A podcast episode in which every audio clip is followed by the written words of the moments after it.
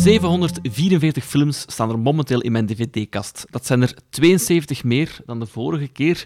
En dat komt door giften. Vorige aflevering kreeg ik The Hunger van Fokke van der Meulen. Nogmaals, uh, dank daarvoor.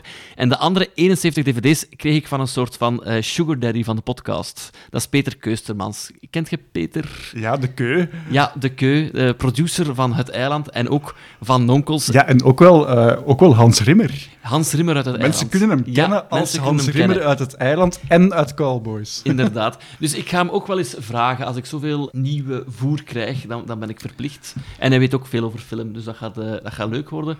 Maar dat gaat voor later zijn, want ik heb mezelf uitgenodigd bij een uh, echte filmjournalist, bekend van Radio 1 en de podcast Disney Klassiekers, en ook van de voorstelling The Original Belgian Soundtrack. Dat klopt, hè? De, Bel de Belgian Soundtrack. Okay. Maar is, nee. Vergeet de original, het is gewoon de Belgian Soundtrack. Ja. En dan heb ik het over de enige echte Robin Broos. Hey, dag, dag Jelle. Dankjewel. Het klopt toch altijd aan Radio 1 verbonden, hè? Ik ben freelance. Uh, ik maak die original soundtrack op Clara. Ja. En ik doe regelmatig ook bijdrages, inderdaad, op Radio 1. En... Mijn research is nooit echt eh, van hoog niveau, dus sorry al als ik... Ah, nee, maar okay. voilà, ik ga daar gewoon altijd proberen dat subtiel recht te zetten. Dat is goed, dat is goed. Ik vroeg me af, is filmjournalist ook standaard gelijk aan filmrecensent? In mijn geval niet meer. Okay. Uh, dus ik heb acht jaar voor een zelfverklaarde kwaliteitskrant geschreven, um, waar ik dus wel heel vaak ook uh, recensies schreef over film. Kwaadtongen uit de sector die durven al snel zeggen, filmrecensenten zijn uh, mensen die zelf eigenlijk films willen maken, maar daar niet in geslaagd zijn. Klopt dat cliché? Of heb jij nooit, heb jij ooit ambitie gehad om zelf een film te maken? Nee, nee, totaal niet. Ik had ontzettend ja. veel interesse in film, maar nooit de intentie gehad om daar als creatief iets mee te gaan ja. doen.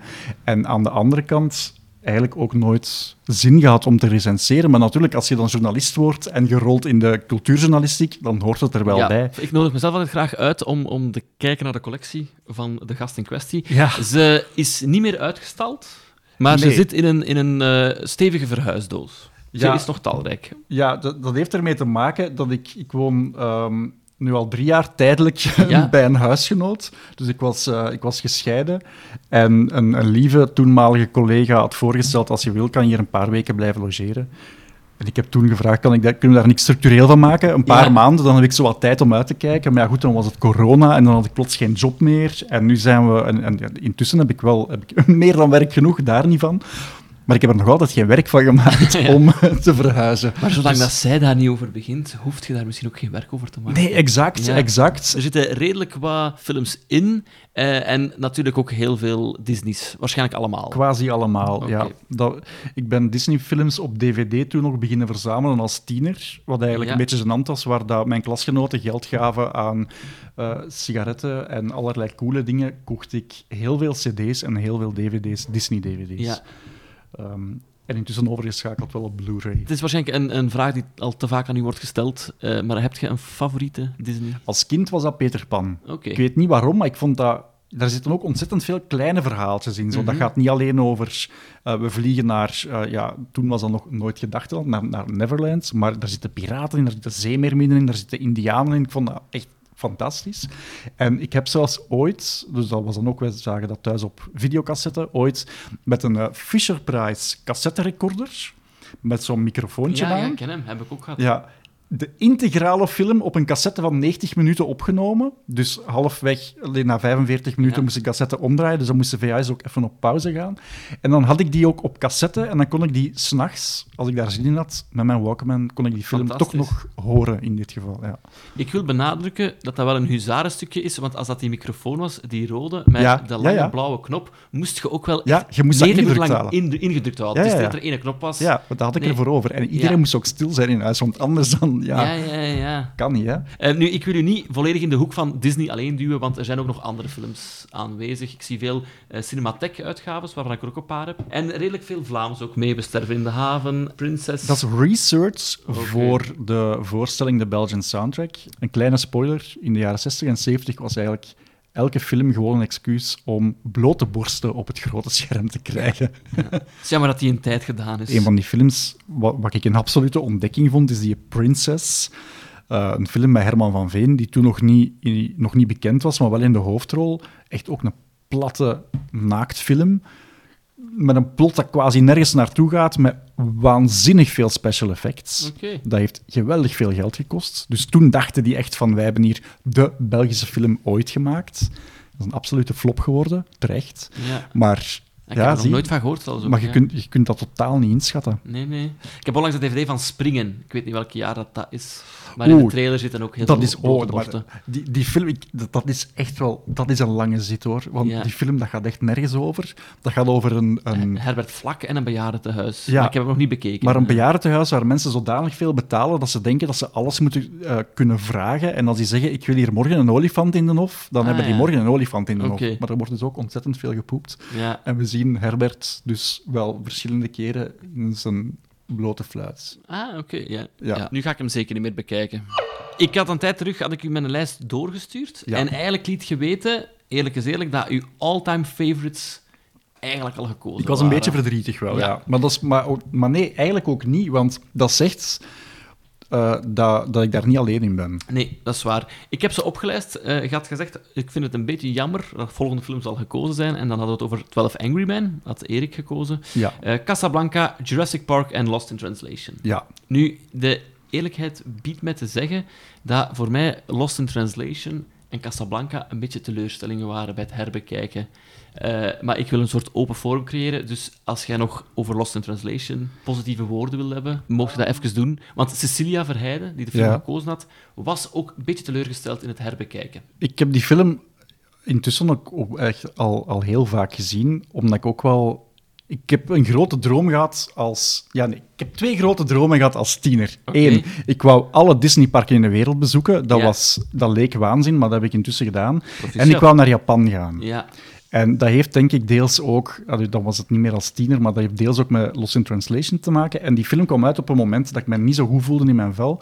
En hoewel dat die personages totaal andere dingen meemaken dan ik meemaakte in mijn jonge leven, herkende ik wel die eenzaamheid van allebei. Die zitten op de verkeerde plek in de wereld en die zijn gewoon triestig. En ik vond dat heel, op een gekke manier heel herkenbaar. En ik heb daar heel veel troost uit gehaald. En dat doet mij, denk ik, bij elke herbekijkbeurt Ja. daaraan denken. We zullen gaan naar de films die je wel hebt gekozen. Ja. Eh, zijn de Dirty Dancing, Drive en dan Breakfast at Tiffany's. Ja. Ik weet niet met welke dat jij wilt beginnen. Maar je zei daar juist zelf dat Dirty Dancing het eh, verst in het geheugen zit. Ja, Alleen niet het verst als in van afstand, Nee, maar het- wel als in het recent. ja, ja. zoals de groente, Ja, eh, verse vers, groenten waren. Ja. die is gisteren bekeken. Dat pleit om voor Dirty Dancing te Ja. starten. I'm scared of everything. Most of all, I'm scared of walking out of this room and never feeling the rest of my whole life.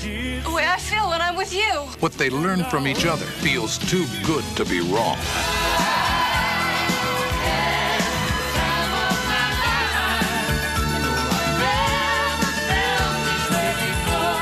Dirty Dancing, starring Patrick Swayze, Jennifer Grey, and Cynthia Rhodes.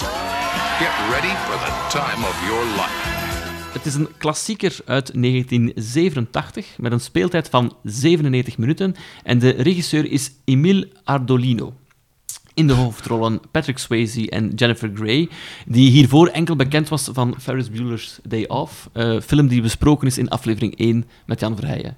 Ik denk af en toe een bruggetje, dat is belangrijk. Hè. Ja, Ehm, mensen die nu pas inpikken, die kunnen nu aan cherrypicking doen. Dus dat is Ja. inderdaad wel zeer slim. Eh, de achterkant van het DVD-hoes omschrijft de film als volgt. Dirty Dancing is zonder twijfel de beste dansfilm uit de jaren 80. Maar de film is meer dan alleen dat. Het is een coming-of-age verhaal, een drama over een jong meisje dat het juk van haar opvoeding van zich afschudt en rebelleert tegen haar vader. Gecombineerd met de onvergetelijke muziek en de chemie tussen de hoofdrolspelers is het niet verwonderlijk dat Dirty Dancing is uitgegroeid tot een van de all-time favorieten in het genre van het romantische drama. Prachtig, hè? Misschien ook voor luisteraars eh, en, en de normale mensen. eh, je kunt hem vinden op de streamer, op Amazon Prime. Staat Ah ja, hij. ja. De film heeft ook een Oscar gekregen voor eh, beste originele song The Time of My Life. Ja, en toch is dat een film die bijna niet gemaakt was. Waanzin. En wat is de reden daarvoor? Dus ja, ehm, dus de, de schrijfster, die trouwens zelf gewoon één op één baby is. Die, die ging met haar ouders naar dat soort van buitenver... allee, dat soort van vakantieresort. Die heeft daar aan dirty dancing gedaan in de kelder met waarschijnlijk een of andere veel te ehm eh, chique type die te weinig betaald werd voor daar dan wat lessen te geven. Ehm, en ze is daarmee gaan leuren bij elke grote Hollywood-studio en niemand wou het. En waarschijnlijk had het ermee te maken, er zit ook een abortus in. Ja, En dat is nog altijd gevoelige materie in Amerika. Dus ja, in 87 was het dat, was dat, was dat nog eens tien keer erger waarschijnlijk. En uiteindelijk was het een, een firmaatje ehm, die maakte VHS-cassettes, maar ja, die, die maakte dat voor anderen. En die dachten, als wij nu zelf films gaan maken, weet je wat dan Netflix doet? ja, Zo, ja, ja. als we nu zelf ook films maken, dan kunnen we onze eigen films verkopen. En dan winnen we er twee keer aan. De fysieke cassette die wij maken en de rechten op de film. En die hebben dan voor, de, voor dit script gekozen, nadat het 40 keer gereject was. En dan nog is dat blijkbaar een heel moeilijk proces geweest, met, met weinig budget. Ehm, die vrouw dat het geschreven had, had ook heel specifieke muziek in gedachten. Want dan moesten die nummers zijn waar dat ze zelf ja. op gedanst had. Ehm, en ja, eh, nummers clearen voor een film is heel duur. Dus dat kregen ze niet altijd rond. En laat staan dat het al rond was tijdens het opnameproces. Maar ze wilden ook, het is het MTV-tijdperk, ze wilden ook enkele nieuwe nummers. Ja, ja, ja. Want dan kun je dat uitbrengen als single. En dan krijg je eigenlijk in primetime heel de dag door op tv eh, Eh, gratis reclame. Ja, ja. En dus die slotscène, The Time of My Life, daar moest een hit voor geschreven worden. Maar er was op dat moment geen budget om mensen aan te sturen om dat te doen. Dus er was geen nummer tijdens de opname. Ze hebben gewoon een soort metronoom Die hebben dat met een metronoom moeten- opgenomen. Oké, wauw. Dus beeld u in die fantastische laatste Ja, scène eigenlijk. waar heel die zaal begint mee te dansen. Dat is dus gewoon gedaan op tik-tak. Ja, Oké. van- ik vind dat fenomenaal. Gisteren nog eens herbekeken. Ik vind een goede vakantievibe. Zeer goed eerste half uur. Ik vind dat er ook heel veel eh, spontane takes precies in zitten. Of ik geloof heel hard Jennifer Grey als ze zo eh, de dans aan het oefenen zijn en hij moet over haar Ja, oksel ja, tittelen ja. en zij die in de lach schiet. Het lijkt echt alsof dat de takes niet lukken en, en de frustratie van Patrick Swayze... Allee, er zit een soort authenticiteit in. Ja, dat en, en, klopt. En dan wetende dat die elkaar eigenlijk niet konden uitstaan. Want Swayze moet, dus ze hadden ooit al eens samen in een film eh, gezeten en dat, en dat klikte niet. En Swayze moet nog gezegd hebben, ik wil echt niet met haar werken. Oké. En dan hebben ze die toch gecast. En ja, het feit dat er inderdaad die chemie spat gewoon van het Ja. scherm. Maar het verklaart wel misschien waarom dat die repetitiescènes zo goed zijn, want hij is echt pissig. Allee, ik, ik, Ja, ja, ja, ik ja, geloof echt van, fucking hell, hij kan niet dansen. En zij die dansen ook qua... Allee, du- du- dus dat, dat helpt misschien de film wel vooruit. nu, ik moet zeggen, bij deze kijkbeurt ik- heb ik wel een dipje ervaren. Ik weet nu niet meer exact wanneer dat was, maar ik denk dat nadat ze in het hotel de dans hebben, dus de dans waar ze hebben voor geoefend, hè, en dan de abortus die dan verder loopt, en dan eh, heeft het zo wat... Was het wachten op de finale. Ja, En omdat je natuurlijk weet dat er een finale komt. ja, en nu was het ook voor het eerst dat ik zo dacht van het plot met die portefeuille, Mhm. daar, daar rammelt eigenlijk iets aan. Want het is, het- de, de, de portefeuille van Mo is gestolen, maar dat is net de avond na dat Patrick Swayze eh, bedankt heeft voor bewezen diensten. Eigenlijk eh, heeft hij de, de jaloerse, eh, de vrouw afgewezen. Hij heeft die vrouw van die Mo afgewezen. Zij reageert daar precies een beetje jaloers op. Dus het zou eigenlijk heel logisch zijn dat dat een soort van ehm, streek was van die vrouw. Ja, om ja, ja, die portefeuille in, in zijn bak te schuiven. Maar uiteindelijk blijkt dat dan zo een onschuldig oud koppel te zijn, die, die dieven zijn. En, en dat heeft dan wel nog een linkje met iets wat je daarvoor hebt gezien.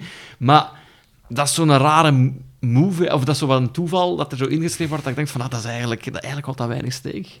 Ehm, nu, Moet kunnen. moet kunnen, niet alles moet steken houden natuurlijk, maar het was... ehm, ja, ik, eh, ik, ik heb voor het eerst een dip gevoeld bij Dirty Dancing. Ja. Ja, ik niet. Heb je eh, u ooit gewaagd aan Dirty Dancing 2? Nee, nee, nee, nee, nee. Ik heb daar ook zoveel verschrikkelijke dingen over gelezen. Ik heb de muziek wel al beluisterd. Maar nee, ah, nee, nee. Nee. Hij staat in mijn kast, maar dat is zo één van de dvd's van mijn vrouw die er zo ingeduwd zijn. Maar zij heeft daar dan meer herinneringen aan. Ah, ze mag dat. Zij mag, ja, ja. Ik denk ooit, als we, als we gaan scheiden, dan zal ik die vijf dvd's er wel Daar wel terug, uit, terug uitschiften. Ja. En staat Maar die ook in uw- ook in uw eh, lange Excel dat je dan naar iedereen Ja, doorstuurt? daar, twijfel ik over eigenlijk. Ja, ik heb het alles in... Allee, ik kan het mij niet herinneren. Ik denk dat ik hem er misschien heb uitgehouden uit niet zelfbehoud. zin om hem te bekijken, misschien. Ja. Maar Ik, ik zal hem... En vooral niet te moeten toegeven dat hij in Ja, kast staat. ja. Maar je hebt het nu net wel gedaan. Ja, ik heb het nu wel gedaan. Maar ik heb onlangs een switch gemaakt van ik ga gewoon alles open kaart spelen. Ja, En ook alle films die ik niet per se zou willen bespreken, staan er nu ook ja. in. Ik wil iets laten horen, mag ik Ja, dat mag zeker. Ehm, dus Patrick Swayze is intussen overleden Ja. ehm, aan kanker. En de, het moment dat hij overleden is, hadden ze een reportage in Man bij het Hond, waar ze bij twee oude vrouwtjes in een, in een rusthuis waren. En die waren eigenlijk samen de dag allemaal over de story aan het lezen. En die spraken dan tegen elkaar van, ah, ik heb hier nog iets gelezen, dat moeten weten. Ja, En dus het ging over het afscheid van Patrick Swayze. En ik wil het eigenlijk gewoon laten horen. ja, ja zeker. Of ja, en jij mag het natuurlijk ook zien. Afscheid van Patrick Zwaanse. Kende je die? Wie? Patrick Zwaan, Zwaanse. Zwaanze! S-W-A-Y. Nee, dan. Ze. Hij wilde alleen maar dansen. Vader was bang dat ik een nicht zou worden. Dat zal dan een homo geweest zijn. Gaan we ermee spitten voor Patrick? Ja, dat mag. Maar we kunnen nog een beetje verkaken ook. Die kunnen we nog altijd. Hè. Ja, dat kunnen we altijd. Bidden kunnen nog altijd, maar hoe treurig is het niet dat twee oude vrouwen het nodig vinden om te bidden voor een man, omdat ze denken dat hij een homoseksueel Ja, is. dat is. Patrick Zwaanze. Te vroeg gestorven, hè, Patrick Swayze. Ja. Dus, ehm, Maar hij heeft ook een nummer gemaakt, een van de, eh, een van de nummers She's Like the Wind. voor de film, wat ook een Ja. hit geworden is. En dat is dus echt een film, ik heb het u daar juist al verteld, die ik dus in veelvoud heb op Mhm. LP. Ik voel dat dat voor u, bij de kijkervaring, muziek eigenlijk even belangrijk is als Ja. beeld. Komt je soms in een soort moment dat je een goede film vindt met een verschrikkelijke soundtrack? Of, of als de soundtrack niet goed is, is bij uw definitie dan ook al een slechte film? Nee, ik kan mij er soms wel aan storen dat de soundtrack volledig overschaduwd wordt door Britage. Bijvoorbeeld de laatste Indiana Jones. Dus dat, is dan, dat is dan ook de laatste film waar John Williams muziek voor gaat maken. Ja, je hoort bijna niks van de thema's die hij geschreven heeft, gewoon omdat je constant ontploffingen en toestanden hoort. Wat logisch is, want die films hebben dat ook nodig. Maar waarom zet je daar dan zo een triple-A-componist op als je de muziek toch amper gaat gebruiken? Dat vind ik dan echt zonde. Ja. Ehm, maar het omgekeerde kan ook. Hè. Toen Johan Johansson overleden is, de IJslandse componist, dan zijn er een heleboel eh, soundtracks postuum uitgebracht. Ja, dat gebeurt dan. Hè. Plots is daar interesse voor. En dat was zo een geweldige, geweldige soundtrack. Ehm, Personal Effects, geloof ik dat die heet. Ehm, film van in de jaren 2000 met Aston Kutcher Ah ja. en Michelle Pfeiffer, denk ik. Zwat, Ja. alleszins, ik was totaal ondersteboven van die soundtrack. Prachtig. En dan dacht ik, ik wil nu echt wel die film zien. Waarvoor is dat bedoeld? Oh, dat had ik echt niet mogen doen. Ah, ja, ja, ja. Verschrikkelijk, tenenkrullend, slechte film. Nog niet gezien. En dat overschaduwt nu wel een beetje mijn gevoel bij die soundtrack. Wat Ja, jammer is. ja. Maar dus terug naar Dirty Dancing. Ik vind het wel een aanrader. Het is een ideale 80s zomerdansfilm die, dat denk ik, voor de jeugd Ah, wel. ook wel nog overeind blijft. Ik doe heel vaak nu ook zo eh, lezingen over filmmuziek in scholen. En dan vraag ik altijd op voorhand Ja, aan de leerkracht: vraag aan uw leerlingen om een lijstje door te geven van hun favoriete soundtracks. Dus niet favoriete films, soundtracks. En daar zit altijd wel ergens Dirty Dancing tussen. Zit eh, Moulin Rouge daar dan ook nog tussen? Want dat was bij ons heel grote hype. En dat vraag ik me ook af wat die zo... In scholen? Nee. Nee, hè? nee. Is... Ik denk dat dat echt voorbij is. Ja. Hoewel, misschien dat dat zo wel een revi- revival krijgt. Ik ga binnenkort naar New York. En een van de musicals dat daar momenteel speelt en blijkbaar waanzinnig populair is, dat is Moulin Rouge. Ah, kijk, alles komt terug. Dus misschien dat het via de TikTok-filmpjes weer een, eh, Ja. een revival krijgt. Ah, goed. Ehm, zullen we overgaan naar, naar een volgende? Ja. Gaan we terug in de tijd? Gaan we naar voor in de tijd? ja, ik vind dat jij nu mocht kiezen. If I drive for you, You give me a time and a place. I give you a five minute window. anything happens in that five minutes and I'm yours, no matter what. I don't sit in while you're running it down. I don't carry a gun. I drive. Film uit 2011 van Nicolas Winding Refn met een speeltijd van ehm, eens kijken, 100 minuten. In de hoofdrollen Ryan Gosling en Carey Mulligan. En nog andere, maar ik baseer me altijd op wat er op de hoes staat. We hebben trouwens dezelfde uitgave, zie ik. De special edition met een kartonnetje Ja. eh, erbij. De achterkant van de DVD-hoes omschrijft de film als volgt. Driver, een rol van Ryan Gosling, is stuntman in Hollywood die bijverdient als bestuurder van vluchtauto's in het criminele circuit. Hij wordt verliefd op zijn mooie buurvrouw Irene of Irene, Carrie Mulligan, een jonge moeder die wordt meegesleept in de onderwereldpraktijken van haar man, de ex-gedetineerde Standard. Een rol van Oscar Isaac, die eigenlijk onherkenbaar was Ja. voor mij. Ja, ja, Het heeft heel lang geduurd, misschien zelfs bij het lezen van deze dvd, dat ik denk van, ah ja, shit, dat is Oscar Isaac. Wanneer een klus gruwelijk fout gaat, moet Driver doen waar hij goed in is om Irene en haar zoontje te redden. Drive. Irene, dankzij de mens. Ik heb lang gezegd, beste film van het jaar. Ja. Maar het was heel lang geleden dat ik nog eens dat heb bekeken. Dus het was mij een bang hartje, maar ik was wel weer volledig mee. Het is eigenlijk een stilistische, stille film. Er wordt weinig dialogen gezegd. Ja. En ik vind ook scenarieel deze film heel puur. Er zit Mhm. weinig vet aan. En alle setups worden op een subtiele manier in de film geduwd en hebben allemaal een payoff. Om zo maar iets te noemen, eh, het, het, eh, het masker, prosthetic maskers, dat is heel logisch waarom dat, dat er is, krijgt een goede... En zo zit die film ingenieus in elkaar, vind ik. Ja, absoluut. En alle films die zich afspelen in, in LA, ben ik ook, er, heb ik op een of andere manier wel liefde voor. Ik kom daar ook zo graag dat zo elk excuus om iets te zien wat daar naar refereert, dat, daar word ik blij van. Eh, wat ik ook heb beseft bij het herbekijken van deze film, is dat ik moet investeren in een soundbar. Want Ja, ja, ja. ik weet nog in de cinema dat de handschoentjes heel fel waren. En nu was het eh, blazen van mijn PlayStation 3 zo toch een, een mindere kijkervaring in, eh, in dat geluid. Dus, maar ik vind, los van de muziek, is het geluid ook eh, heel goed. Het sound design in deze film heel goed. En ik heb eigenlijk weinig opmerkingen op deze film.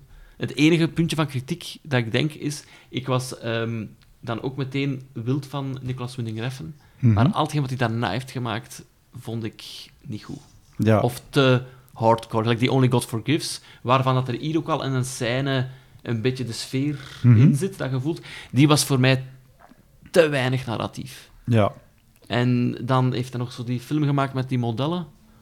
Dat vond ik heel pretentieus. Maar ik weet niet meer hoe dat de film heet. Ik ben heel slecht met namen. Ah, The Neon Demon. Het woord pretentieus vind ik wel juist gekozen, want het is echt wel een regisseur die gewoon... Het kan mij echt geen hol schelen Nee. wat de wereld van mijn werk vindt. Ik maak gewoon waar ik goesting in heb. Mhm. En natuurlijk, als je die staat van dienst hebt, dan kun je dat waarschijnlijk permitteren. Maar de vraag is, is dat sympathiek naar uw publiek toe? Ja, wel, ehm, het antwoord is nee. denk ik. Heb je toevallig zijn debuutfilm gezien? Want die staat ook in mijn kast. Ah, nee. Ehm, ik denk dat Pusher is of Punisher. Nu ben ik aan het twijfelen. Maar het is eh, Pusher met een heel jonge Mats Mikkelsen. Maar echt nog een totaal andere stijl. Zo heel slordig. Ik denk uit 1996. Ik weet dat het 1996 is. Ik heb net gekeken. Sorry. Ik wil niet, ik wil niet losjes pretenderen dat ik die info had. Ik had het nu gelezen. 96. Je Maar moet dat nog- dus niet zeggen, hè? Ik weet het, maar... er is geen beeld bij mensen weten dat, dat is niet. waar, dat is waar. Eh, wilt jij nog iets zeggen over de film Drive? Of... Ehm, ik, dankzij Drive heb ik Kavinsky leren kennen. Ah ja. Kavinsky. Ehm, Veel mensen zullen denk ik Ja, Kavinsky ja. leren kennen hebben. waarschijnlijk. En ik ben die dan ook eens live gaan zien in de AB. En dat, dat, was, dat was echt een fenomenaal fijn concert. Dus ik- nou ja, ik denk zonder Drive had ik misschien niet echt van het bestaan geweten.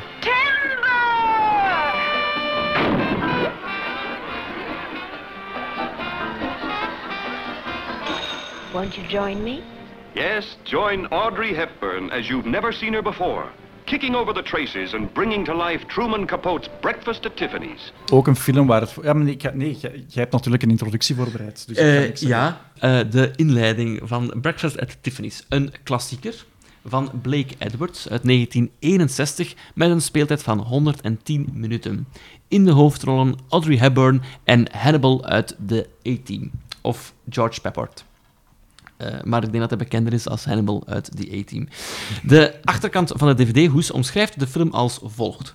De rom het, is, het is al een beetje zo in een ehm, sierlijk lettertype. Dus het is een beetje... Ik, ga, ik moet de DVD iets dichter eh Ah, bij mijn ogen houden. Ja. De romantische komedie Breakfast at Tiffany's is gebaseerd op de gelijknamige novelle uit 1958 van de Amerikaanse schrijver Truman Capote. Holly Golightly is een eigenzinnig meisje dat zich laat fetteren, mee uitnemen en wie weet voor nog meer in is.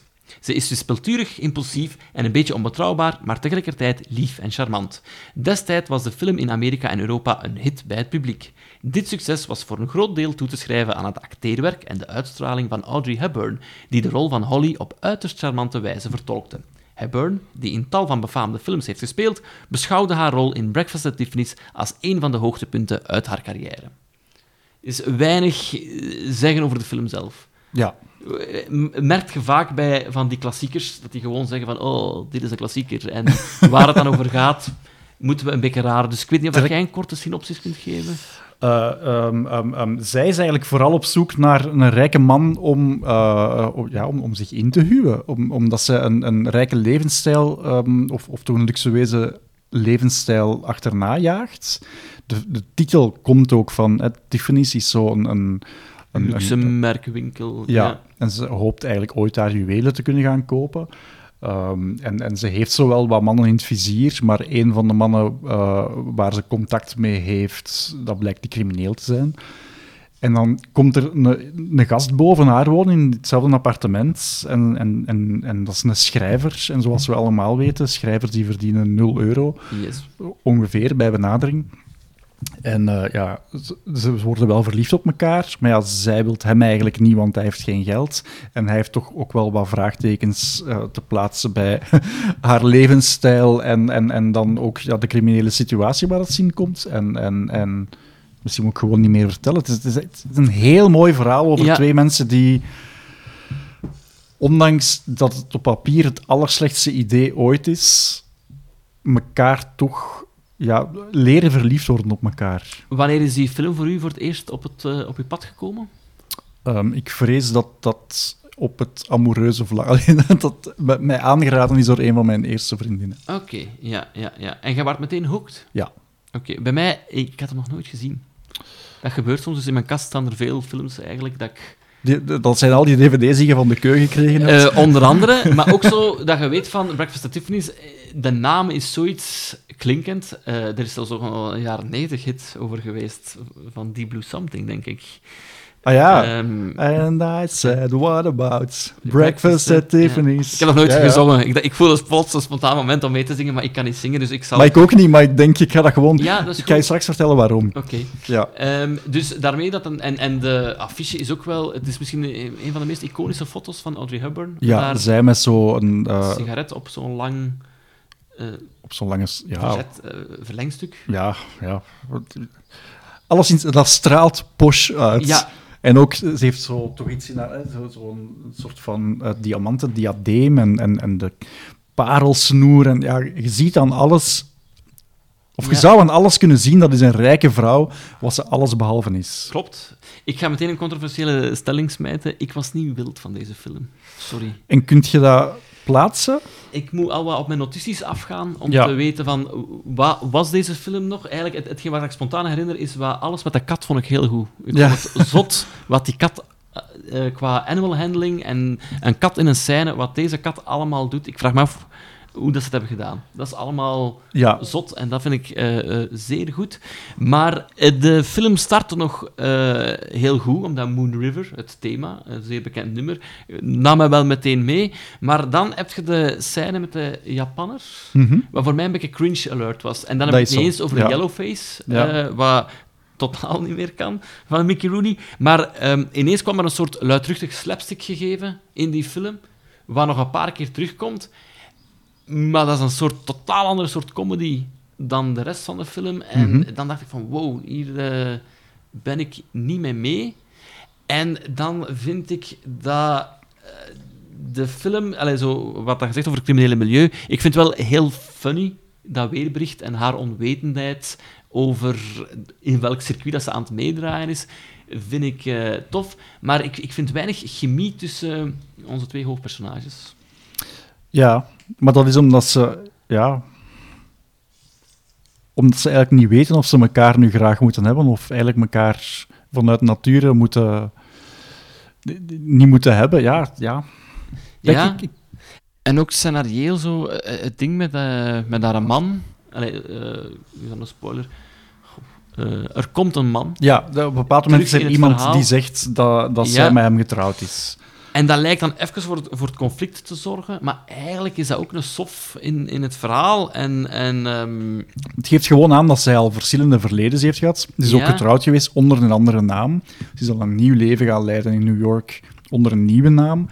Ja, ja, ik- ik, ik, denk dat ik nergens heb eh, eh, zitten meeleven heb met de personages. Ja. Ik ben altijd toeschouwer gebleven, waar dat ik bij eh, Baby en Johnny op een bepaald moment wel de chemie voel en, Ja. en mij een beetje op de dansvloer waan of bij Ryan in de auto zit, heb ik hier meer toch eh, zitten kijken naar, naar een historisch gegeven dan dat ik meegetrokken werd in de film. Ja. Ja, voor mij heeft het heel veel met de muziek te maken. Ja, Moon River is een van mijn favoriete muziekstukken aller tijden. Het is ook ontelbare keren gecoverd geweest. Zelfs Amy Winehouse heeft het ooit opgenomen. Uh, de documentaire over haar leven begint ook met, uh, met die opname van Moon River. Um, ja, dat is ook echt een, een mega hit geweest uh, toen en, en, en, en heel veel van die coverversies ook. Henry Mancini als componist, dat is, dat is een onwaarschijnlijke Hollywood-legende. Ik kan die ook kennen van de Pink Panther bijvoorbeeld. Ja. Toch ook zo'n een oorworm van je, ook, denk ik, van je welste. Ja. ja. En, en feit ook, ze hebben dan Audrey Hepburn niet alleen dat moeten laten zingen, wat toch blijkbaar niet zo evident was, maar ze moeten het ook spelen op gitaar. Heeft Mancini eigenlijk haar nog moeten gitaar leren okay. spelen om dat te ja. kunnen doen wanneer ze daar in het raam zit.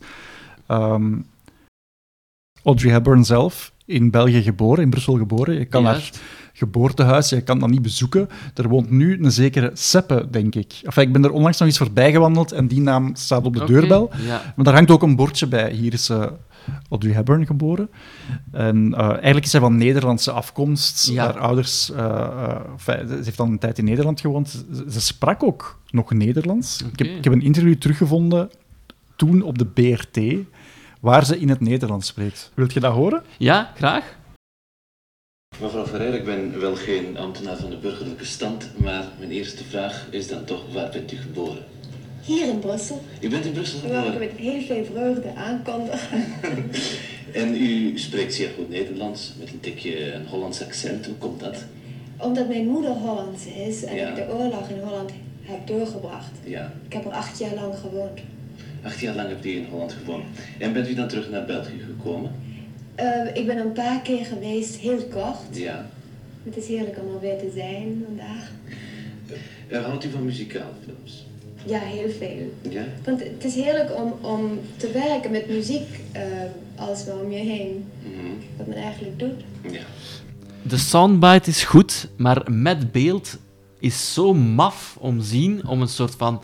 Nee, niet een soort van... Om, om een filmicoon, zo bekend, zo vlot Nederlands te zien praten, is een soort van... Ja, dat klopt niet, hè? Dat klopt niet in je hoofd. Ja. Dus het, is, het is een heel... ehm Dat heel iconisch- wijs dat je dat hebt uitgediept. Dat, dat iconisch beeld dat hier op de DVD hoe staat, hebben ze jarenlang als silhouet verkocht in de IKEA. Ah, ja, dus je ja. wilt niet weten hoeveel studentenkoten Juist. over heel de wereld waar dat Audrey Hepburn aan de muur heeft Ja. gehangen. En die is gewoon hier in Brussel geboren en die sprak dus keigoed Nederlands. Crazy. En in de andere helft van de studentenkoten hangt ze zo de gele taxi in het zwart-witte New York. Ehm, Ja. Maar, eh, dat, dus het is geboren trouwens, voor, voor wie het zou willen zoeken, ik weet niet of dat, dat eh, GDPR-gewijs mag, maar dus eh, de Keienveldstraat 48 in Elsene. Oké, Dus ja. niet aanbellen, dat is niet sympathiek, maar er hangt Nee. wel een gouden bordje waarop staat La comédienne Audrey Hepburn, ici uh, Naki. En er is nog een Belgische link. En dat is ook iets wat ik nu in de aanloop naar de Belgian Soundtrack, onze, onze voorstelling, ontdekt heb. Toet Stielemans speelt mee op. Moon River in de openingsscène. Wauw.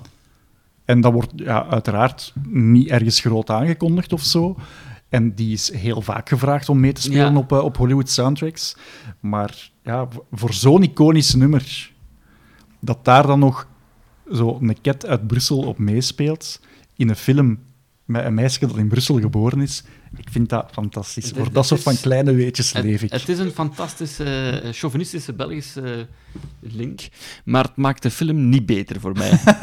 ik vond het een lange zit. Ja, maar ik, ik ben blij dat dit een vrijhaven kan zijn om eh, als eh, Ja. volwassen witte cismannen toch over gevoelens te kunnen praten. ja, ja. Want zo zijn er niet veel plekken. En ik ben Nee. blij dat dat in uw podcast kan. Hoe vaak bekijkt je deze film dan ehm, in, uw, in uw jaar? Is dat jaarlijks? Is dat- Nee, ehm, Nee. maar ik heb die wel, toen dat mijn boek uitgekomen is, de original soundtrack, heb ik in heel veel bioscopen films mogen inleiden eh, waarvan ik de muziek goed vind.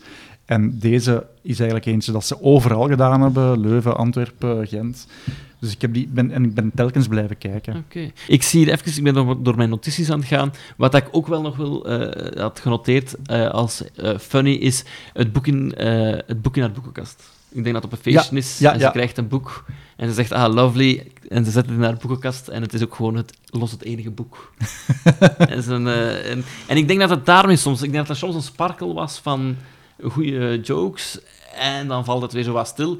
En dan wel weer de eindscène met de kat.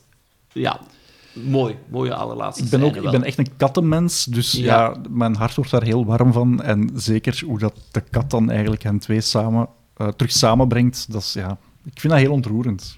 De, de kus in de regen. Ja, wel, maar dat is inderdaad wel een, een mooie eindscène. Maar, maar ehm, ik zou zeggen, eh, kijk de eindscène, kijk het stuk dat ze Nederlands praat en kijk het begin. Ja. En dan kun je denk ik wat meepraten met, met, met veel mensen, maar hoeft je misschien niet.